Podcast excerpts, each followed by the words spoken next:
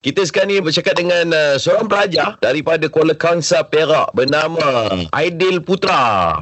Okey, kita check power tak power dia. Kita ada spontan era. Spontan era awak akan bermain dengan Johan eh soal menyoal awak diberi kelebihan 10 soalan awak tanya Johan awak dikira pemenang Okey, kita bagi situasi eh tengah berkongsi video YouTube seram.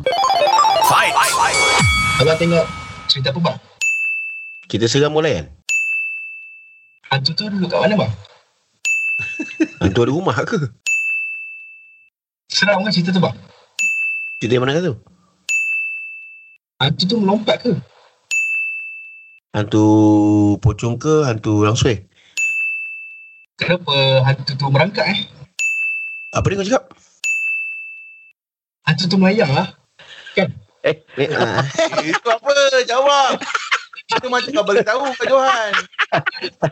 Weh, aku, aku tahu kertas dia melayang, hantu tak melayang. weh. Hantu tu melayang. Okey, Aidil Putra. Awak terpaksa umumkanlah eh, kemenangan Johan. Abang Johan, you win. Thank you.